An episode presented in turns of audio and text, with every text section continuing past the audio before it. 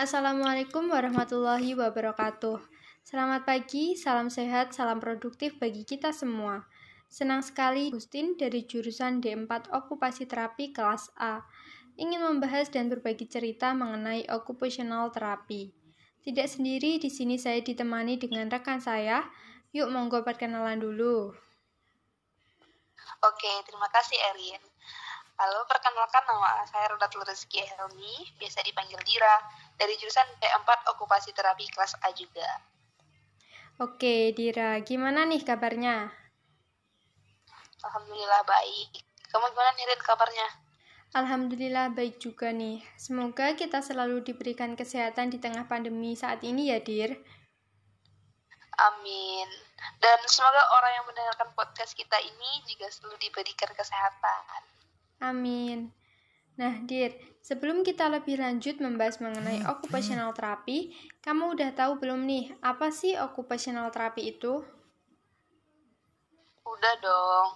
Jadi, occupational therapy atau terapi okupasi ini ialah bentuk layanan kesehatan kepada masyarakat atau pada pasien yang mengalami gangguan fisik atau mental dengan menggunakan latihan atau aktivitas mengerjakan sasaran yang terseleksi untuk meningkatkan kemandirian individu pada area aktivitas sehari-hari. Udah ya, udah ya. Assalamualaikum warahmatullahi wabarakatuh. Selamat pagi, salam sehat, salam produktif bagi kita semua. Senang sekali di sini saya Erina Agustin dari jurusan D4 Okupasi Terapi kelas A. Ingin membahas dan berbagi cerita mengenai occupational therapy. Tidak sendiri, di sini saya ditemani dengan rekan saya. Yuk monggo perkenalan dulu. Oke, terima kasih Erin. Halo, perkenalkan nama saya Rudatul Rizky Helmi, biasa dipanggil Dira, dari jurusan D4 Okupasi Terapi kelas A juga. Halo Dira, gimana nih kabarnya? Alhamdulillah baik. Kamu gimana nih dan kabarnya? Alhamdulillah baik juga. Semoga kita selalu diberikan kesehatan di tengah pandemi saat ini ya, Dir. Amin. Dan semoga orang yang mendengarkan podcast kita ini juga selalu diberikan kesehatan ya, Rin. Amin, semoga aja ya. Iya. Nah, Dir, semoga eh salah. Ya Allah.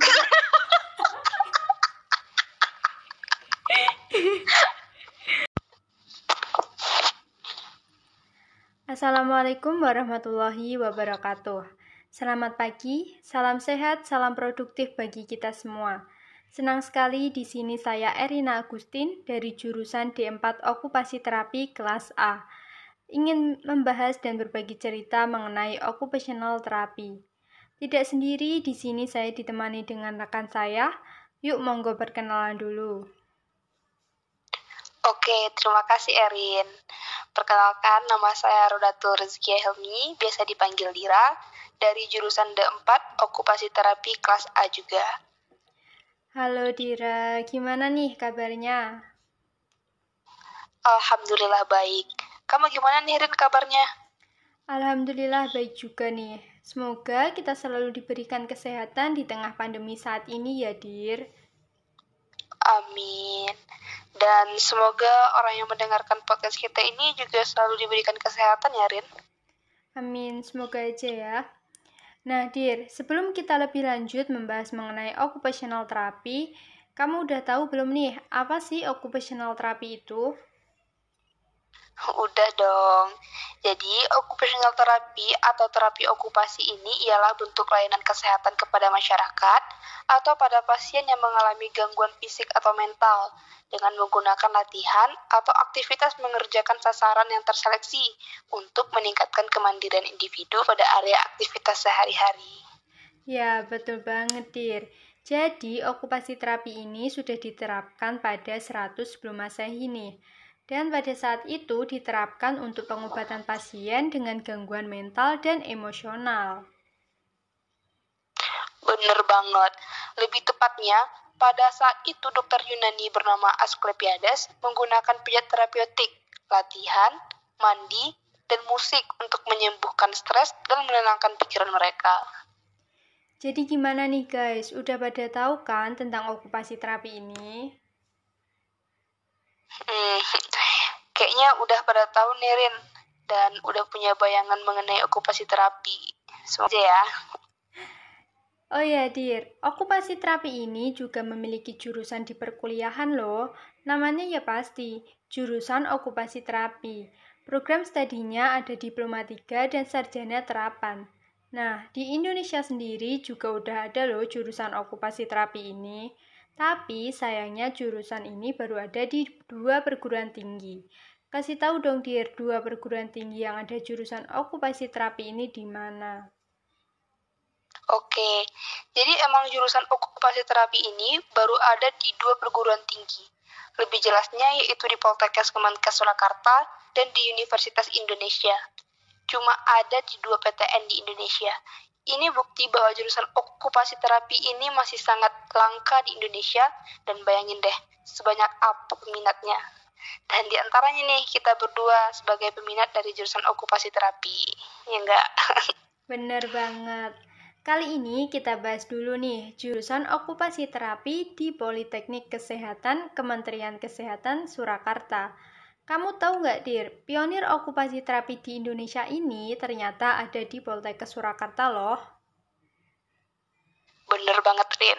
Jadi pada tahun 1989, empat orang dosen dari Akademi Fisioterapi Surakarta dikirim ke Universitas Alberta, Kanada untuk meraih sarjana okupasi terapi dengan dibiayai oleh Canadian International Development Agency.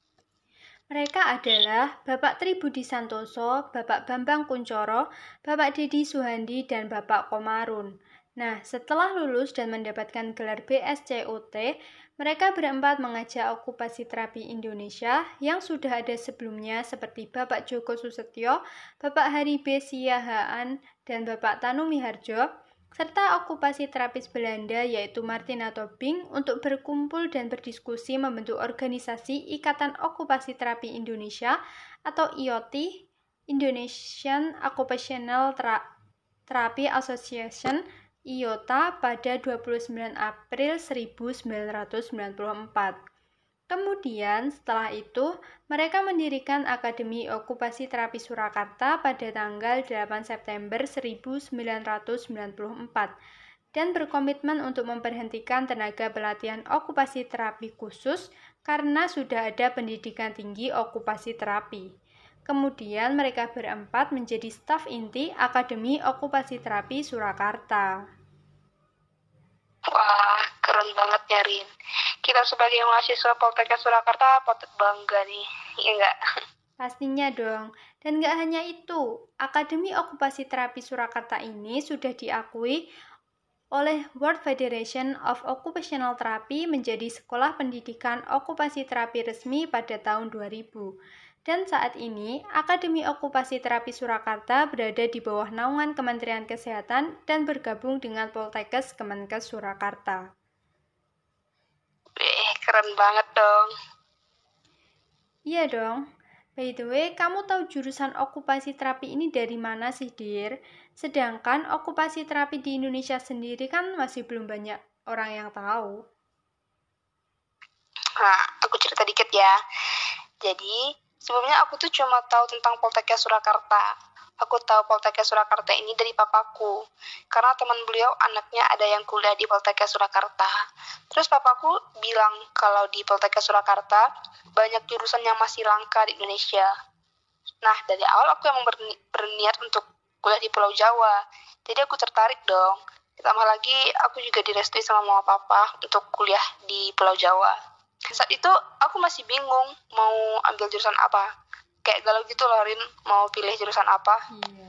nah nah jadi pas pendaftaran Poltekkes buka aku benar-benar cari tahu jurusan apa aja yang ada di Poltekkes Surakarta dan akhirnya aku tertarik sama jurusan okupasi terapi ini Oke, terus apa nih yang bikin kamu mantep akhirnya memilih jurusan okupasi terapi ini? Hmm, karena yang pertama akreditasi jurusan okupasi ini udah A ya, ya. Kemudian jurusan ini masih sangat langka, terutama di Indonesia sendiri. Seperti yang udah kita bahas di awal tadi, jurusan ini cuma ada di dua PTN di Indonesia. Artinya jurusan ini emang benar masih langka, dan lulusan jurusan ini masih belum banyak gitu Rin. Sehingga lulusan dari jurusan okupasi terapi ini paling dicari. Dan nantinya dan nantinya nih Rin, kita punya peluang besar untuk berkarir di rumah sakit, klinik, pusat rehabilitasi, sekolah khusus, atau menjadi pendidik dan konsultan. Dan ditambah lagi, lulusan okupasi terapi di Indonesia masih sedikit, sehingga lulusan ini paling dicari. Artinya prospek kerjanya masih luas dan cukup menjanjikan untuk karir kita. Gitu kira-kira Rian. Betul banget, Dir. Menurut survei nasional di Kanada nih, menunjukkan bahwa occupational therapist merupakan pekerjaan terbaik dengan pertumbuhan karir sebesar 18% setiap tahunnya. Lebih lanjut, di Indonesia sebagaimana profesi ini masih langka dan sedang berkembang. Jumlah kunjungan klien yang tinggi sejajar dengan beban kerja okupasi terapis. Gak salah Sirin, karena karir dengan cakupan yang luas ini tentu sebanding dengan program pengobatannya ya. Karena terapi okupasi ini mencakup program pengobatan yang beragam dan unik untuk masing-masing pasiennya yang bertujuan untuk membantu pasien dalam mencapai kepuasan hidup dan memastikan bahwa mereka mendapatkan pandangan yang positif. Benar banget, Dir. Nah, kalau menurutmu nih, seberapa penting sih peran occupational therapy di Indonesia ini? Wah, menurutku sih penting banget dong pastinya. Karena okupasi terapi ini membantu pasien dari semua kalangan umur, dari anak hingga lansia, Tujuannya untuk membantu dalam penyesuaian emosional dan sosial setelah cedera maupun karena penyakit. Salah satunya juga bisa membantu kaum disabilitas. Selain itu, peran penting seorang ahli terapi okupasi ini sendiri ialah untuk membangun kemandirian klien atau pasiennya untuk dapat beraktivitas sehari-hari. Nah, jadi target okupasi terapi ini sendiri siapa aja sih? Uh, ada banyak nih, Rin, tapi aku uh, kasih tahu beberapa aja ya. Kayak misalnya ini ada gangguan mental bawaan dan cacat fisik, cedera korban kecelakaan kerja, uh, orang yang stroke uh, atau serangan jantung, amputasi, dan disabilitas. Wah, jadi dan lain-lainnya. jadi penting banget ya okupasi terapi ini. Iya dong, Rin, penting banget. Namun, Dir, okupasi terapi di Indonesia sendiri perkembangannya masih belum maksimal nih. Karena persediaan alat-alat tes pemeriksaan terapi okupasi yang belum lengkap dan belum tersedia. Juga masih belum banyaknya orang yang paham dan tahu mengenai seberapa penting okupasi terapi ini. Bener banget, Rin kita sama-sama berharap ya semoga okupasi di Indonesia bisa berkembang pesat seperti negara-negara di luar sana dan semoga semakin banyak orang tahu tentang uh, profesi kesehatan satu ini. Amin, semoga aja ya Dir. Iya Rin, amin. Oke Dira, terima kasih udah mau nemenin aku untuk bahas tentang okupasi terapi ini dan udah mau sharing tentang alasan kamu memilih jurusan okupasi terapi. Iya, Erin, sama-sama. Baiklah, saya Erina Agustin. Dan saya Rudatul Rezeki Helmi. Kami berdua pamit undur diri. Mohon maaf apabila ada kesalahan kata yang kurang berkenan, dan terima kasih sudah mau mendengarkan podcast ini. Sekian dari kita berdua. Assalamualaikum, Assalamualaikum warahmatullahi wabarakatuh.